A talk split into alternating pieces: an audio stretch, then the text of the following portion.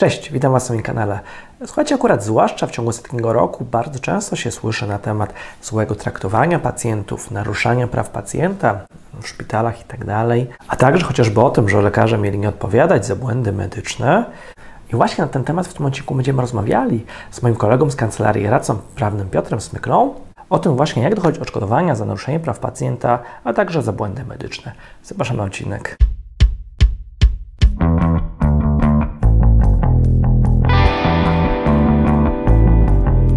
Piotrze, sobie może powiem o takiej innej kwestii, na przykład mhm. przychodzi właśnie do mediów, zwłaszcza w ciągu ostatniego roku, złe traktowanie pacjentów, naruszanie praw pacjenta albo nadwyrządzenie szkody pacjentowi przez lekarza. E, powiedz mi, jak wyglądają takie w ogóle spory? Czy można narządzić jakiegoś odszkodowania? Czy od szpitala, czy od lekarza. Więc tak, no, są różnego rodzaju spory dotyczące innymi błędów medycznych. Do tego jest kwestia związana z naruszeniem praw pacjenta. O praw pacjenta będzie cała seria tutaj, więc tak, tak bo właśnie robiłem. Hmm. I tak e, też właśnie naruszenie praw pacjenta, czyli zgodnie z tym artykułem 4 ustawy o prawach mm pacjenta i Rzeczniku Praw Pacjenta, w przypadku właśnie naruszenia praw pacjenta jak najbardziej przysługuje takiemu pacjentowi A to może ja teraz zadam Tobie pytanie. Jak się kształtują odszkodowania wtedy w związku z, z takim naruszeniem praw pacjenta? Czy może masz e, w praktyce, e, jak, jak się one kształtują? Wiesz co, powiedzmy tak, wysokość jest różna. Zależy to oczywiście powiedzmy od osoby życiowej. Inne niestety odszkodowanie dostanie powiedzmy osoba, która jest na przykład prezesem Lotosu, i e, jego stopa tak, życiowa jest, jest dużo, tak, dużo tak, większa, tak. a inna osoba, która zarabia minimalną krajową, e, to odszkodowanie nie powinno być, e, jakby nie powinno prowadzić do nadmiernego wzbogacenia. Natomiast ja Ci powiem, nie widziałem, natomiast mówiąc Ci szczerze, nie widziałem niższych wyroków sądowych, najniższe zadośćuczynienie niż 5000 złotych. Czyli fundusze kompensacyjnym w ogóle zaproponowali jeszcze niższe niż z praktyki.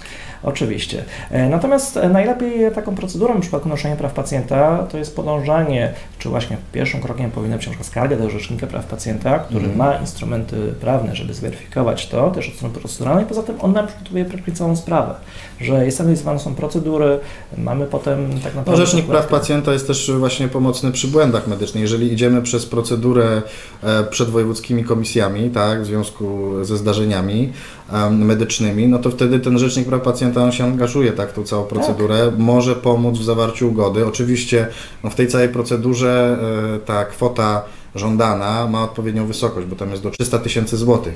Natomiast jest e, taka komisja, postępowanie przed taką komisją jest jednak faktycznie nieco szybsze niż w przypadku procesów sądowych, bo w procesach sądowych to jeszcze dodatkowo wchodzą tutaj biegli sądowi, mhm. a biegli sądowi potrafią wydłużyć postępowanie. Znacząco.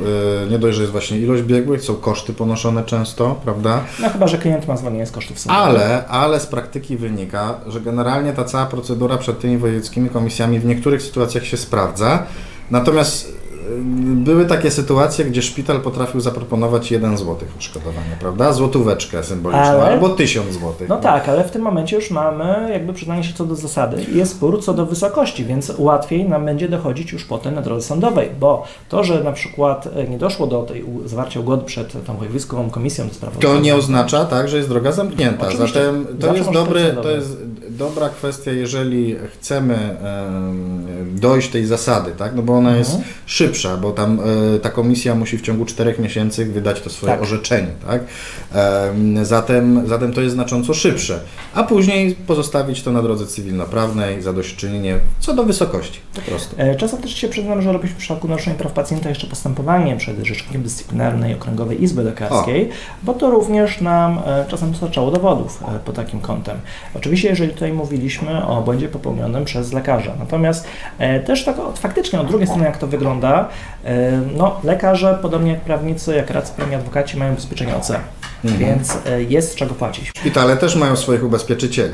Tak, no. E, też mają ubezpieczycieli. Poza tym nie wiem, czy wiesz, ale w ogóle niektórzy ubezpieczyciele w ogóle zrobili taką e, produkt, taką polisę dla lekarzy, właśnie ubezpieczenie e, właśnie ochrony prawnej, mhm. że w przypadku pozwania lekarza. Piotrze, jak wyglądają takie sprawy swojej praktyki? Generalnie czy one są przede wszystkim, czy to gra warto świeczki? Czy taki pacjent powinien bronić właśnie swoich praw? I dochodzicie odszkodowań? Czy, czy mówimy o pacjencie, czy mówimy o osobie, która straciła osobę bliską w wypadku samochodowym, czy mówimy o poszkodowanym, który ta szkoda nastąpiła w związku z wypadkiem samochodowym, tak, warto bronić swoich racji, e, ponieważ e, z biegiem lat te odszkodowania i zadośćuczynienia się zwiększają. Oczywiście